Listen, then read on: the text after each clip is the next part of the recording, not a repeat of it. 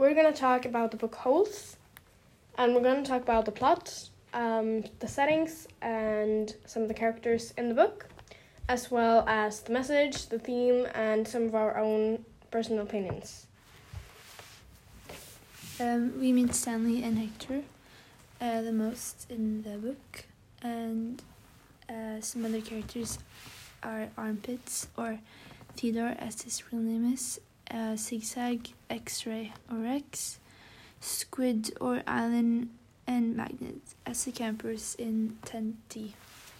We also meet the warden who owns Camp Green Lake, Mr. Sir, and Mr. Pendanski, who work at Camp Green Lake. Mr. Pendanski is kind of the counselor of Tent D, and Mr. Sir uh, works there. Uh, Stanley Yelnats fourth is the main character. He has um, bad luck and is overweight in the book, but it's not, not uh, visible in the movie. He seems like a nice person. He's shy, awkward, and lacks of courage and self-confidence. He's an only child from a poor family. Stanley Yelnats first is uh, Stanley's great grandfather um, and he got robbed um, in the desert after earning a big sum at the stock market by kissing Kate Barlow. And he survived because of God's thumb. Um, Elya Yelnats fourth, no, no, Elya, Elya Yelnats was Stanley Yelnats' great great grandfather. Um, and Hector Zeroni is a descendant of Madame Zeroni, and he's called uh, Zero because uh, they said he had nothing in his brain, and his last name is Zero Ni. Zeroni. um, the story takes place in Camp Green Lake, Texas.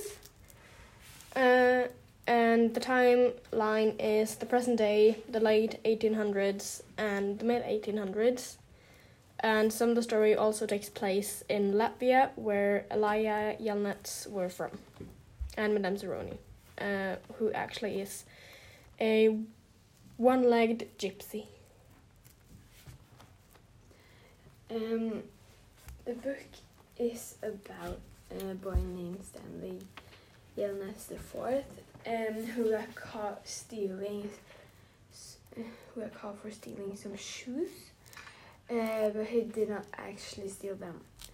Uh, then he got sent got sent to Camp Green Lake, which is a camp where young boys who did something bad go to instead of jail. Um, but there is no lake at Camp Green Lake. Uh, it's a desert, and everyone must dig a big hole every day. Um, but um, uh, yeah, this is because um, the warden and the people that works at Camp Green Lake says that it is to build character. But um, Stanley finds out um, that they actually are digging for a treasure. And the reason uh, Stanley has bad luck is that um, his great great grandfather wanted to marry a young lady, but another man offered a pig for her.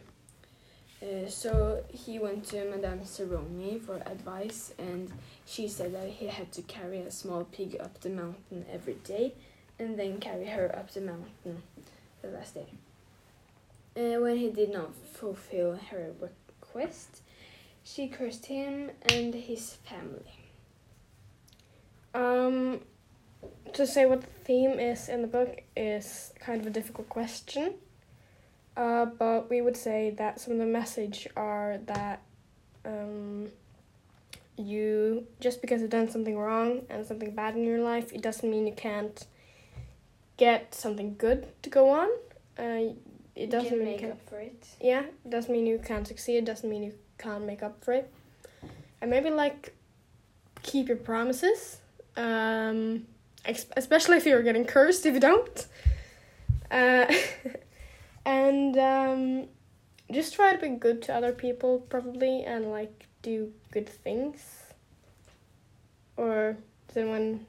Do you have anything else like a message? Yeah, be good to people. Um, so probably some of that being the theme, maybe.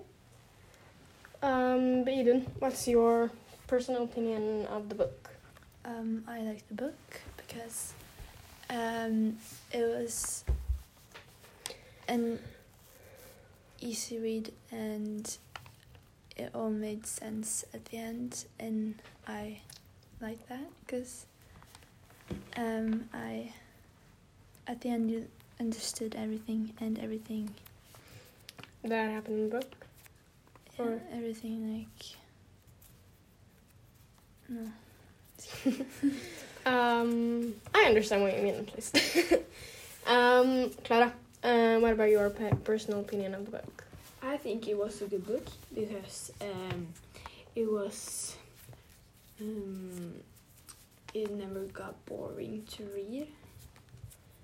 Um, and like you said, it all made sense at the end, and yeah, Yeah. that was good.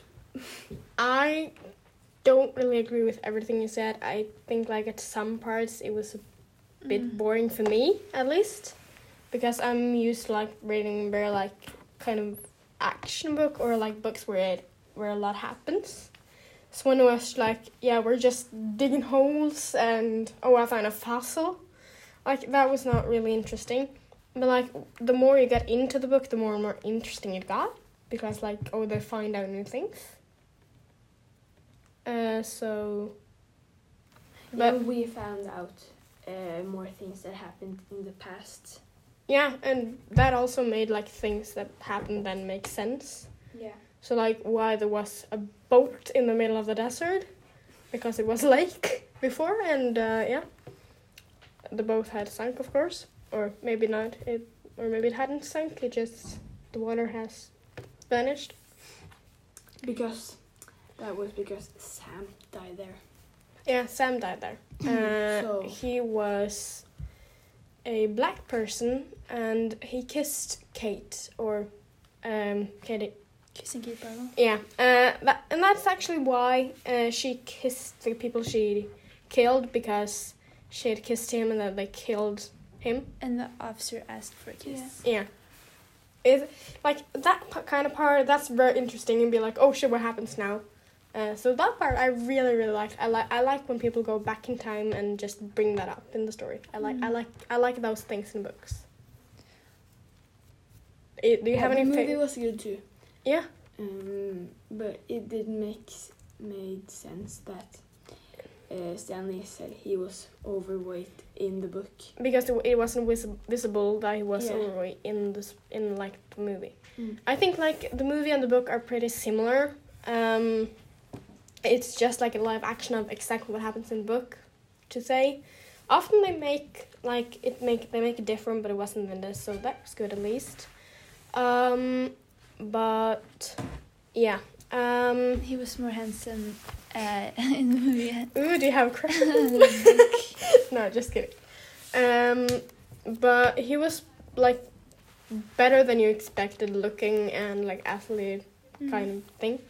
Um, but yeah, like I would say the book is a good book to read for people who like want to read more English or try to e-read or like I would I would uh, recommend it to someone else. Mm. Yeah, it was easy to read. Yeah. And that come from a person who doesn't read a lot of books and doesn't read a lot of English books. but yeah, I would say it was pretty easy to read as well. And yeah.